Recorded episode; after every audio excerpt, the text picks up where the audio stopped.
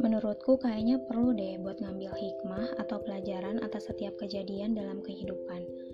Atas peristiwa-peristiwa yang menimpa kita atau cerita-cerita yang hadir dalam kehidupan kita. Sesedikit apa pun itu atau sesederhana apa pun itu. Kayak semacam kita tuh bakal dapat insight atau sudut pandang baru yang bahkan belum pernah terpikirkan atau bahkan belum terbersit dalam benak dan perasaan kita sebelumnya.